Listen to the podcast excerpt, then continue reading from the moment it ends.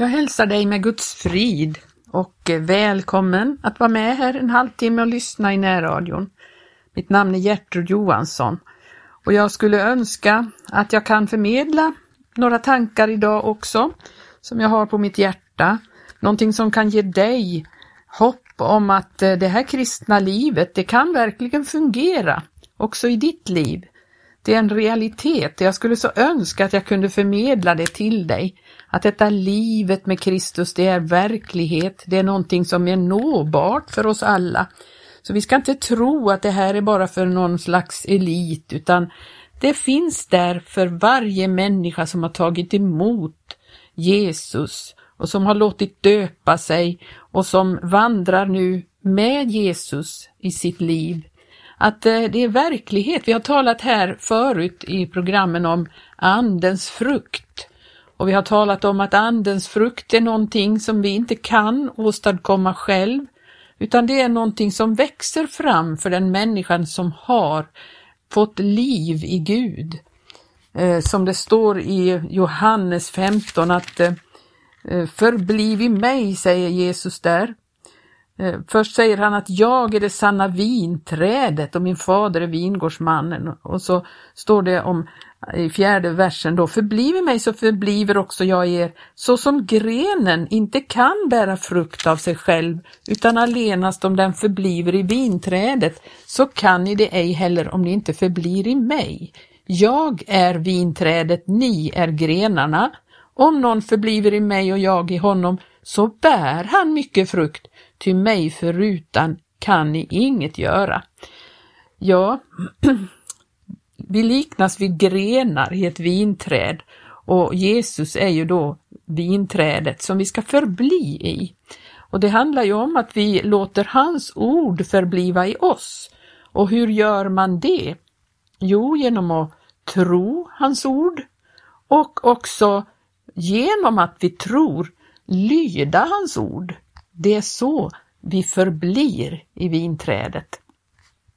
Men det, jag ska börja idag med att läsa ett kapitel ur eh, Kolosserbrevet. Kolosserbrevet är ett fantastiskt brev där det talas om vad vi har i honom. Eh, från början där så talas det om eh, vad, vad vi äger i Kristus, vad vi har i honom.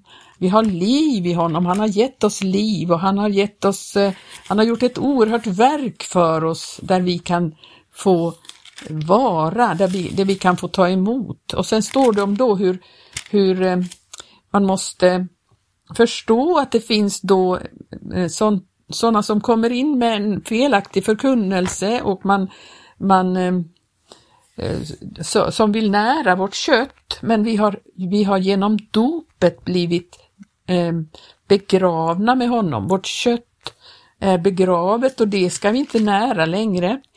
Och, och, men det är inte det jag ska tala om idag utan nu vill jag tala om eh, från kapitel 3 i Kolosserbrevet där det handlar om det nya livet.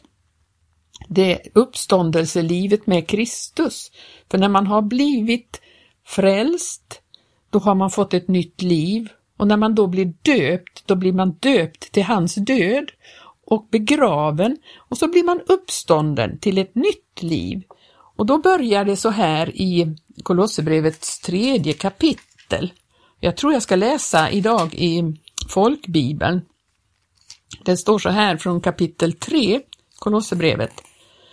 Då ni alltså har uppstått med Kristus, sök då det som är där ovan, där Kristus sitter på Guds högra sida. Tänk på det som är där ovan, inte på det som är på jorden, ty ni har dött och ert liv är dolt med Kristus i Gud. När Kristus träder fram, han som är vårt liv, då ska också ni träda fram i härlighet tillsammans med honom. Alltså det här handlar ju om Jesu andra tillkommelse, när han kommer och träder fram och hela den förhärligade församlingen träder fram tillsammans med honom. Det är när han eh, sätter sina fötter på Oljeberget och alla de som då har blivit uppryckta med honom och förenade med honom är det den förhärligade församlingen. Då ska vi också tillsammans med honom träda fram. Vi fortsätter i femte versen. Döda därför era begär som hör jorden till. Otukt, orenhet, lidelse, lusta och girigheten som är avgudadyrkan. Allt sånt nedkallar Guds vrede över olydnadens barn. Bland dem vandrade också ni en gång då ni levde i dessa synder, men nu ska också ni lägga bort allt detta. Vrede, häftighet, ondska, låt inte smädelser och fräckheter komma över era läppar. Ljug inte på varandra, ni har ju klätt av er den gamla människan med hennes gärningar och klätt er i den nya människan som förnyas till rätt kunskap och blir en avbild av sin skapare. Här är det inte längre frågan om grek eller jude, omskuren eller oomskuren, barbar eller skyt, slav eller fri, utan Kristus är allt och i alla. Klä er därför som Guds utvalda, heliga och älskade i innerlig barmhärtighet, godhet, ödmjukhet, mildhet och tålamod. Ha fördrag med varandra och förlåt varandra om någon har något att förebrå en annan. Så som Herren har förlåtit er ska ni förlåta varandra. Över allt detta ska ni klä er i kärleken som binder samman till en fullkomlig enhet. Låt Kristi frid regera i era hjärtan, den frid som ni blev kallade till i en enda kropp, och var tacksamma. Låt Kristi ord rikligt bo hos er med all sin vishet. Undervisa och förmana varandra med salmer, hymner och andliga sånger och sjung med tacksamhet Guds lov i era hjärtan. Och allt vad ni gör i ord eller handling, gör det i Herren Jesu namn och tacka Gud Fadern genom honom. Ni hustrur, underordna er era män, för så bör det vara i Herren. Ni män, älska era hustrur och var inte hårda mot dem. Ni barn, lyd era föräldrar i allt, det är Herrens goda vilja.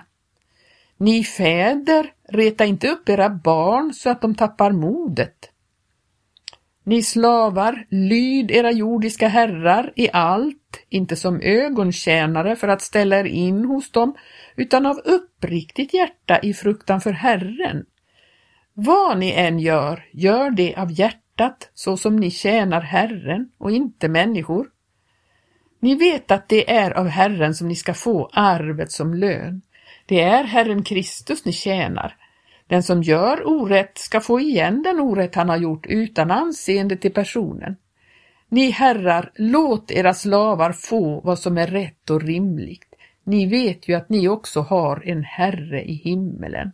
Så tar vi vers 2 i kapitel 4 också. Var uthålliga i bönen, vaka och be under tacksägelse. Ja, vi kan fortsätta lite till i kapitlet där. Be också för oss att Gud öppnar en dörr för ordet så att vi kan predika Kristi hemlighet.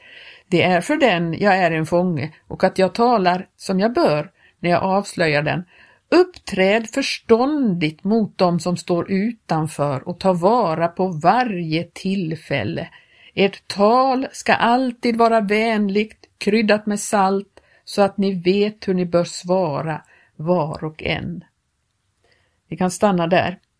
Här, nu har vi läst ett kapitel som talar om hur det bör vara med de kristna människorna hur det bör vara i det kristna livet och vad vi ska satsa på, vad vi ska ha för eh, ja, vad som ska vara viktigt för oss i livet, det är att satsa på det som är där ovan. Det är ju bara det som är någonting värt egentligen, det är livet. Om man läser noga det här kapitlet så kan man ju se att här finns det nämnt många utav det som hör till Andens frukt. Vi kan ju se det innerlig barmhärtighet, heliga, helighet. Det kan vara eh, godhet, ödmjukhet, mildhet och tålamod. Kärleken är ju också nämnd här. Allt det här är ju andens frukt. Så att vi behöver helt enkelt Andens frukt. Och här står det att vi kan iklä oss detta. Och Därför att vår gamla människan är begraven, den ska vi inte ta någon hänsyn till. Vi ska inte låta köttet bara eh, behärska oss. Så det här med vrede, häftighet och ondska och allting, allting sånt, smädelser och fräckheter. Vi har ju avklätt oss den gamla människan med hennes gärningar, då ska vi inte låta den eh, eh, vara det som blir dominerande i våra liv, utan här ska det vara den nya människan som vi kan iklä oss. Och då kan det ju tyckas vara, hur ska det här gå till? Hur ska vi få till oss denna andens frukt? Jo, förra gången så talade jag om detta med att vi måste dricka. Vi måste dricka. Och att dricka det är ju att ta till oss det här nya livet. Och hur kan vi göra det? Jo, genom bönen i fjärde kapitlets första vers, var uthålliga i bönen, vaka och be under tacksägelse. Vi har flera andra bibelord på detta. Vi har Filipperbrevet. Till exempel i fjärde kapitlets fjärde vers så står det Glädjen er i Herren alltid, åter vill jag säga glädjen eder. Du vet att glädjen är ju också en utav det som nämns när det gäller Andens frukt. Och så fortsätter vi, låt ert saktmod bli kunnigt för alla människor. Herren är nära. Gör er intet bekymmer, utan låt i allting era önskningar bli kunniga inför Gud genom åkallan och bön med tacksägelse. Så ska Guds frid som övergår allt förstånd bevara era hjärtan och era tankar i Kristus Jesus. Nu läste jag ur 1917 års översättning igen. Jag, jag är faktiskt mest van vid den. I Efesierbrevet 6 har vi ju, känner vi också till. Eh, vi ska se här. Efesierbrevet 6, det vet vi ju verkligen om den här hur man kan iklä sig vapenrustningen. Det behöver vi ju verkligen, denna vapenrustning. Och det står ju att vi ska iklä oss den. I 18 versen i sjätte kapitlet står det Gör detta under ständig åkallan och bön så att ni alltjämt ber i anden och för den skull vakar under ständig uthållighet och ständig bön för alla de heliga. Vi är så beroende av att få eh, denna, detta andens nya liv och det är ju bönen som är kanalen och möjligheten för oss att få det här. Det är det som är livsförbindelsen med Gud, så att han kan förmedla till oss denna ande, så att andens nya liv kan växa i vårt liv, så att anden kan komma åt att göra detta verk i våra liv. Det finns ju så mycket skrivet om bönen, men eh, det är ju, det står så här, bed så ska ni få. Den som ber, han får, står det. Den som ber, den som inte ber får inte. Alltså det, vi får inte försumma att bedja för det är så fruktansvärt viktigt. Men för många så blir ju bönen en, en, en slags eh, träldom, en slags eh, eh ritual, en tom, torr ritual, vilket gör att det blir så mödosamt att bedja och man, man har inte hittat liksom själva livsströmmen i det här med att bedja. Jag ska läsa ur en bok lite grann som eh, boken heter Sikta högt. Och det handlar om en bok om, en, om tillväxt i det kristna livet. Där det står också då talat om bönen. Ehm, Bönen är ju så oerhört eh, viktig för, för att eh, vi ska kunna verkligen få ta emot av Gud detta liv. Det står så här att eh, i den, jag, jag skummar lite ur den här boken nu kapitel 8 som handlar om bönen. Att bön är direkt kontakt med Gud. Det är den enda handling från en människa som ställer henne ansikte mot ansikte med Gud. Eh, alla män, andra handlingar handlar om det horisontella planet men det här är vertikalt. Det är en dialog mellan din själ och honom som har gett dig livet. Och längre ner så står det bönen är själva livet. Allt som kommer att bestå av vårt andliga liv blir på sätt och vis vårt böneliv. Ja. För det andra så befaller Gud oss att bedja. Ja, ett stort antal uppmaningar i, i Guds ord finns det med befallningar, uppmaningar till bön.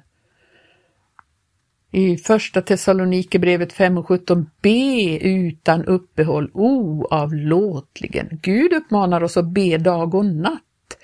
Och det borde vara anledning nog för oss att, eh, att bedja på grund av att Gud befaller oss att göra det. Och vi kan se i Guds ord att Bibelns alla gudsmän, de var också bönemänniskor. De hade ett böneliv.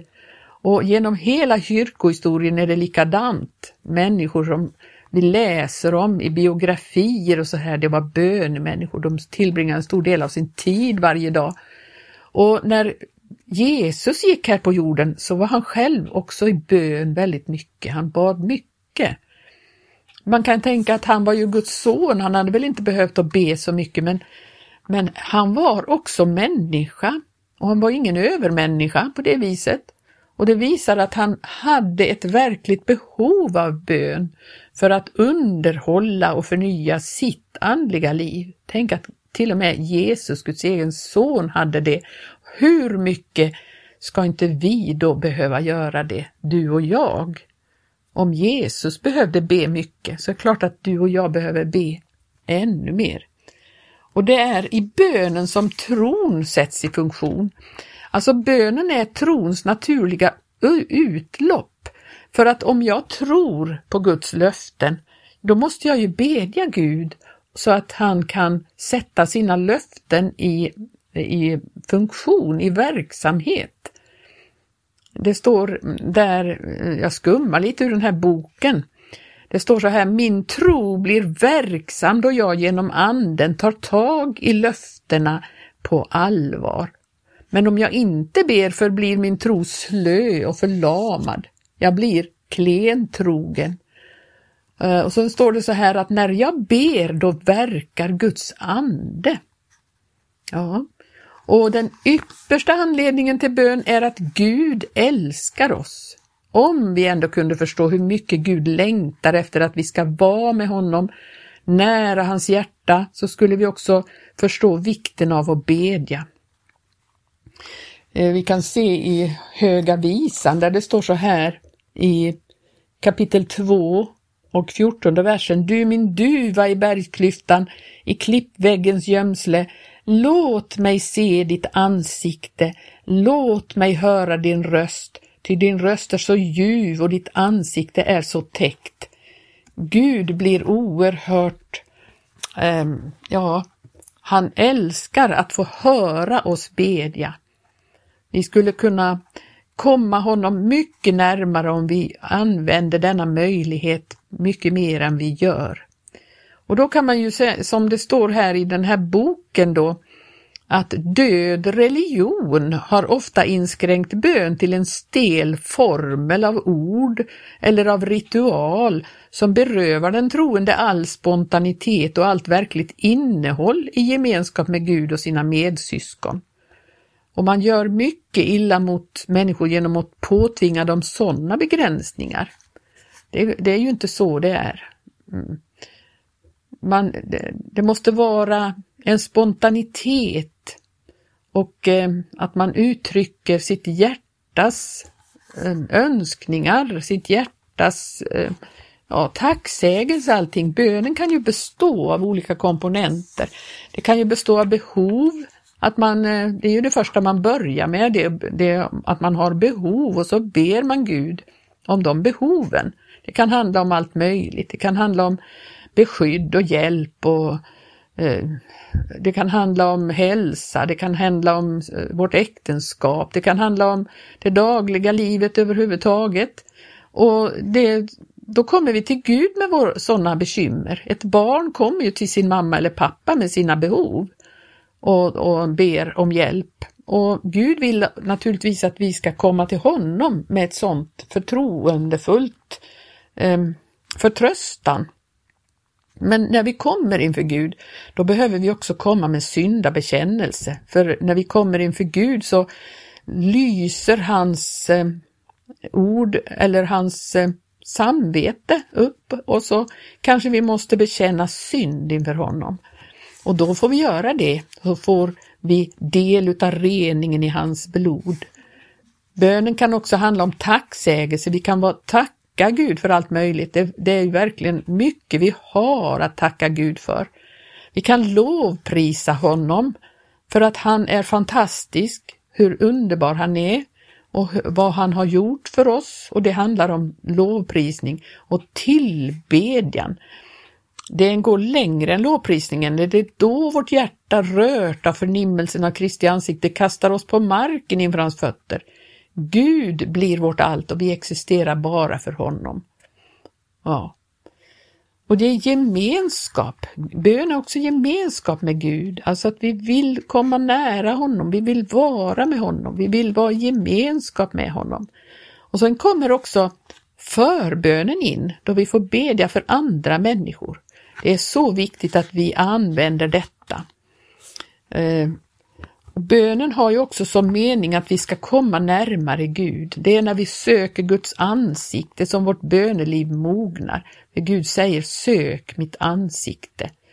Och när vi gör det så blir det ett sökande av Gud själv, en ständig gemenskap och en dialog med Gud. Hans ande möter vår ande. Så att vi ju verkligen upplever att, eh, ja, det är ju så att vi behöver ha behov, annars skulle vi försumma att be till honom, men han gör, ser till att vi får behov, så kommer vi inför honom. Det är för att han älskar oss. Ja. Jag ska läsa en sista litet stycke i den här, i den här boken. Det står så här att allt vi ger Gud blir en evig skatt i hans rike. Den förståndige kristne lägger upp allt värdefullt i himlen för att få en större skatt vid Kristi återkomst. Vi har bara ett begränsat antal dagar, timmar och minuter på den här jorden. Den tiden är oerhört betydelsefull och det säger sig självt att den tid man ger till Gud är den mest värdefulla investeringen man överhuvudtaget kan göra. Ja, Gud tvingar oss inte, men han längtar efter att vi ska komma i den nära gemenskapen med honom så att han kan förmedla sitt liv till oss och då bär vi frukt. Ja, vi stannar där för den här gången så ska vi se vad vi kan ta upp nästa gång. Gud välsigne dig som har lyssnat så återkommer vi i Jesu namn.